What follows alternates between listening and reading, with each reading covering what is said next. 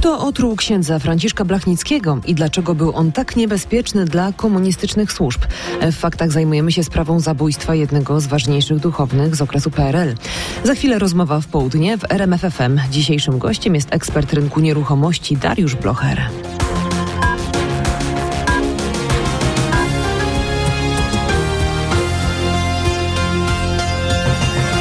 Mamy pewność, że ksiądz Franciszek Blachnicki został otruty. Nie wiemy jeszcze, kto konkretnie stoi za zabójstwem.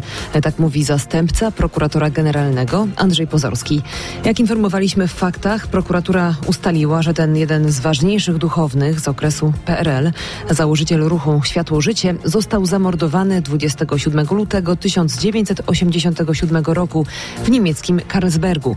Krzysztof Zasada zajmuje się tą sprawą. Mm, Krzysztof, na jakiej podstawie śledczy tak właśnie twierdzą. Po wznowieniu przed kilku laty śledztwa zmarłego ekshumowano. Przeprowadzono sekcję zwłoki, zlecono szereg badań kilku instytucjom. Dodatkowo odnaleziono nowych świadków, także za granicą, którzy mieli istotną dla śledczych wiedzę. W Niemczech natrafiono też na nowe ślady kryminalistyczne. Badano również archiwa enerdowskich służb specjalnych.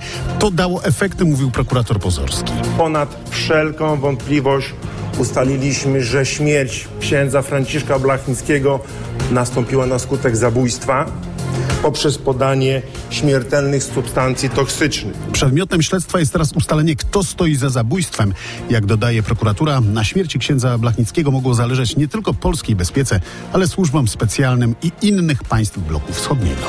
A teraz łączymy się ze studiem radia RMF24. Tam jest nasz publicysta Tomasz Terlikowski. Witam Ciebie, Tomku. Witam. Wyjaśnij proszę, kim dokładnie był ksiądz Blachnicki i dlaczego był tak niebezpieczny dla komunistycznych służb? No to postać, o której powinien powstać sensacyjny serial. Uwięziony w Auschwitz wychodzi z niego, gdy umiera tam w komorze głodowej Maksymilian Kolbe. Skazany przez Niemców na karę śmierci trafia do więzienia i tam cudem unika egzekucji, ale w niemieckich kazamatach siedzi do końca wojny. Jako ksiądz buduje kolejne wielkie ruchy religijne, komuniści je likwidują, skazują go na więzienia, a on po wyjściu zakłada kolejne ruchy. Jego dziełem jest ruch oazowy, który stał się jednym z fundamentów odrodzenia religijnego młodzieży w PRL-u. Dwa miliony młodych ludzi przeszło przez niego, a wielu z nich zaangażowało się później albo w tym samym czasie w solidarnościową opozycję. On sam nie ukrywał swoich bardzo mocnych antykomunistycznych poglądów. Wprost nazywał system komunistyczny szatańskim. Komuniści robili wszystko, żeby go zniszczyć, zlikwidować rękoma wprowadzanych w błąd biskupów oazę.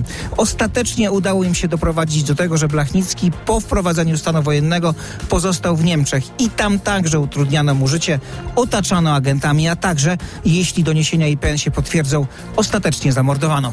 O sprawie i o życiu księdza Blachnickiego piszemy też na rmf24.pl. Istotna rozmowa w faktach RMFFM. Witamy Krzysztofa Berendę i jego gościa. Dzień dobry. Witam, dzień dobry, a my skupimy się na rynku nieruchomości, bo tam dużo się dzieje. Dariusz Blocher jest naszym gościem, ekspert tego rynku, były wieloletni prezes Budimexu, obecnie członek Rady Nadzorczej tej firmy. Dzień dobry. Dzień dobry Państwu. Zacznijmy od prostego pytania. Za nami kilka miesięcy spadku cen nieruchomości. Kiedy te mieszkania zaczną e, znowu drożeć w zauważalnym tempie? Spadek jest bardzo e, niewielki, jeżeli patrzymy. To, to jest w zależności od e, lokalizacji. Generalnie, jeżeli patrzymy na strukturę kosztu budowy, czyli ziemia, materiały, e, koszty pracy, no to ja nie widzę możliwości, żeby te ceny spadały realnie, patrząc jeszcze też na ogólną inflację, więc raczej będą rosły, byleby nie rosły po 40% rocznie, to jest najważniejsze. Czyli doszliśmy do dna, a teraz od teraz przez najbliższy rok o ile mieszkania mogą podrożyć? To jest kilka procent, kilkanaście? To jest pana zdaniem? spekulacja, bo w zależności od miksu mieszkań mamy bardzo duży spadek nowych mieszkań, to jest prawie 44% spadek nowych pozwoleń na budowę, więc tutaj jest ciężko odpowiedzieć na to pytanie, ale Krótko mówiąc, jak ktoś będą. teraz próbuje kupić mieszkanie, to raczej teraz jest ten To nie chyba szuka naj- okazji, to, To szuka moment, okazji, tak? bo to są, są deweloperzy, którzy będą mieli problemy, ale generalnie o kilka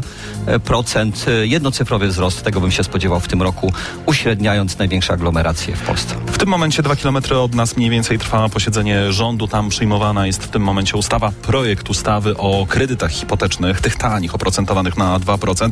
To zmieni jakoś rynek, zmieni ceny, zmieni dostępność? No, na pewno poprawi sytuację, bo jeżeli mówimy o nawet limitach 20 tysięcy mieszkań, to jest 15, może 20, może 25% całego rynku mieszkaniowego.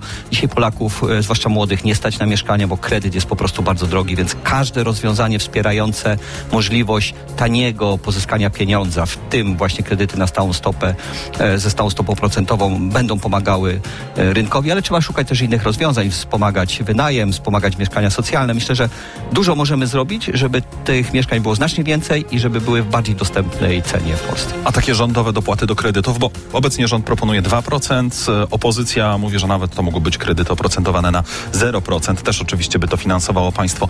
To jest ten kierunek, właśnie tego typu kredyty z dopłatami, żeby rozwiązać ten problem mieszkaniowy? Krótkoterminowo tak, ale to będą raczej rozwiązania dla osób, których nie stać w ogóle na kredyt. Ja uważam, że za, na zero nie powinno być, bo jak dostajemy coś za darmo, to z reguły tego nie szanujemy, więc chociaż symboliczne 1 czy 2%.